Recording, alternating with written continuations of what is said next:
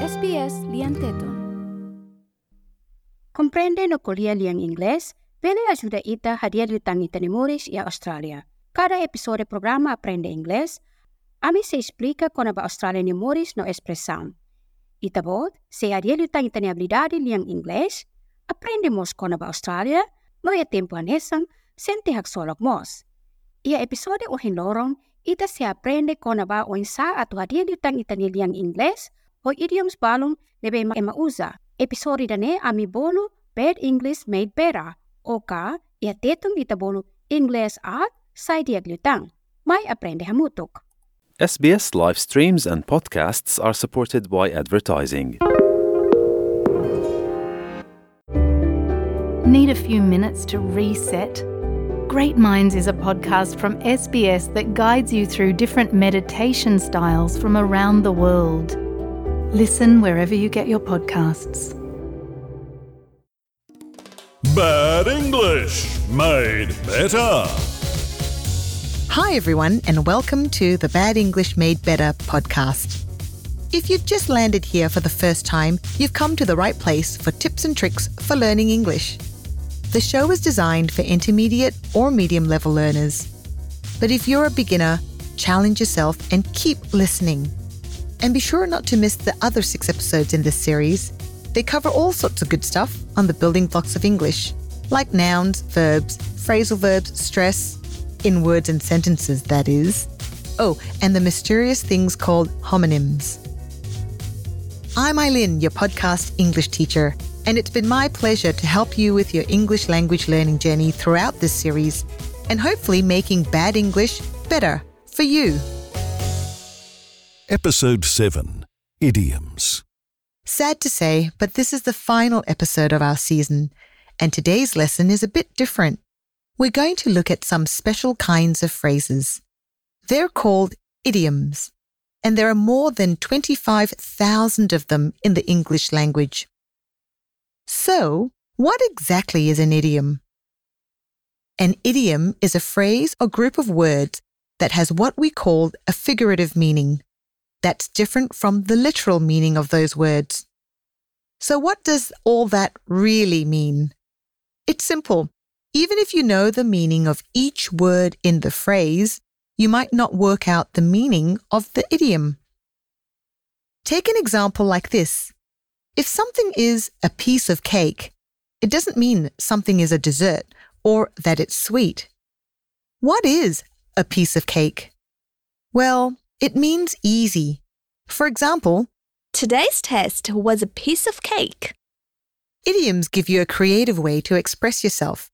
They add color and emotion to things you're talking about. Idioms paint humorous mental pictures that make a language richer. And in Australia, we really, really love them. Maybe too much. Here are three idioms you might use when going out for drinks or a meal with a friend. See if you can guess the meaning. No worries, my shout. It's my turn to pay for it. Let's go Dutch. Let's pay for ourselves. Geez, I'm under the weather. I'm sick. So, the best way to learn idioms is to try to notice them when you read or when you listen to people around you. Try writing them down and look them up to ask someone what that phrase means.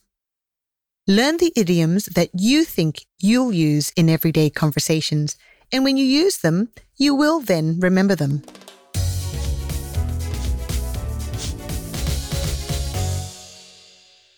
Another category of words and phrases we hear a lot of in Australia is slang. Slang is informal language that is often only used by a particular group of people. So if you know the slang, you're in the group. Let's take a closer look. In Australia, we have a few common ways that we make words into slang. One thing that we do is shorten long words, usually to the shortest sound possible, and then add a Y sound at the end. For example, Australian becomes Aussie. university becomes Uni. umbrella becomes Brolly. Want to guess some slang? So if I give you the slang, See if you can guess what the full word is. Barbie. Barbecue, Mozzie. mosquito, Brekkie. breakfast, Cuppa. a cup of tea, Sunnies. sunglasses, Tracky Dax. tracksuit pants. Another thing Aussies like to do is add O to the end of a shortened word. For example, a bottle shop becomes Bottle. afternoon becomes Arvo. guessing game time again. I'll say a word, you shorten it and add O. Documentary, Doco. ambulance driver, Ambo. registration, Rego. relatives, Relos. How did you go? And finally, we have some slang that's become very Australian, whether it's originally British or we've adopted it from America. Here are some common slang phrases. Have you heard of these? Can you work out what they mean? Having a winch. To complain. You beauty. That's excellent. Kurangya. Well done. It's chockers. It's chock a block. It's crowded. Budgie smugglers. Men's swimwear that's tight. Togs. Any other type of swimwear for any gender. Loo. Toilet. Mates race. Cheaper than usual for a friend. No drama. No worries. No problem, it's okay. Again, with slang, just learn what you hear most in conversations around you and use what you're comfortable with. Even if you don't want to use slang, it's handy to know what these strange words and phrases mean. Really, both idioms and slang are just fun to use, and if you keep trying, you'll find it's a piece of cake. On your Eileen, you're a top chick. You beauty. No worries.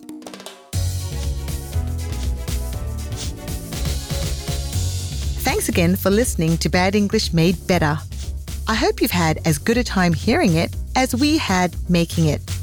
This show was recorded on the land of the Wurundjeri Woi Wurrung people of the Kulin Nation. I'm your host and teacher Eileen Begun. Bye!